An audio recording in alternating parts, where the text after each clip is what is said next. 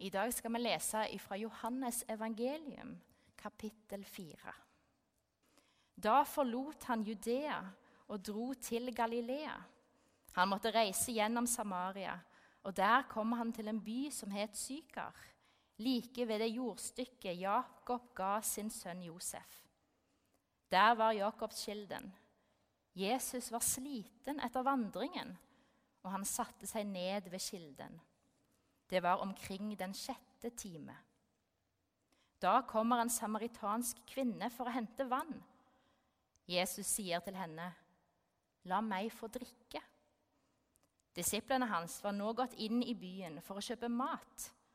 Hun sier, 'Hvordan kan du som er jøde, be meg, en samaritansk kvinne, om å få drikke?' For jødene omgås ikke samaritanere. Jesus svarte, om du hadde kjent Guds gave og visst hvem det er som ber deg om drikke, da hadde du bedt ham, og han hadde gitt deg levende vann. Herre, sa kvinnen, du har ikke noe å dra opp vann med, og brønnen er dyp. Hvor får du da det levende vannet fra? Du er vel ikke større enn vår stamfar Jakob. Han ga oss brønnen og både han selv, sønnene hans og buskapen drakk av den.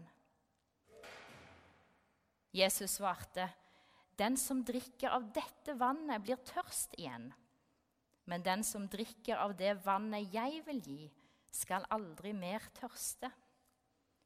'For det vannet jeg vil gi, blir i ham en kilde med vann' 'som veller fram og gir evig liv.' Slik lyder Herrens ord.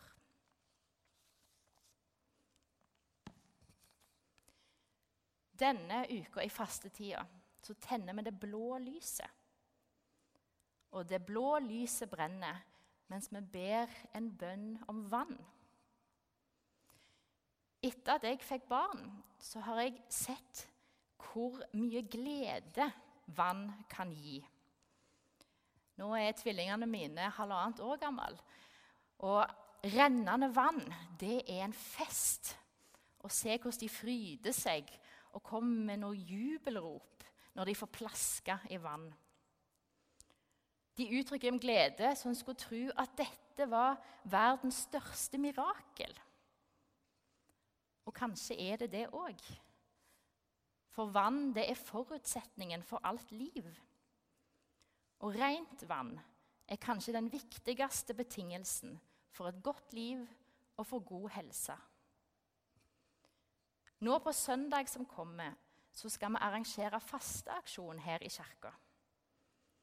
Da skal vi få være med og samle inn penger til Kirkens Nødhjelp og deres arbeid for å sikre rent vann til alle mennesker. Og mye trengs for å bringe rettferdighet og frihet til hele jorda. Og rent vann, det er et skritt på den veien.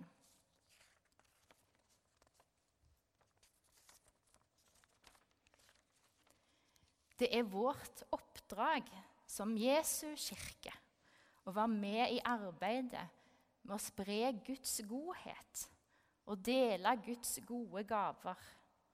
Og la det livet Gud har skapt, få gode vilkår.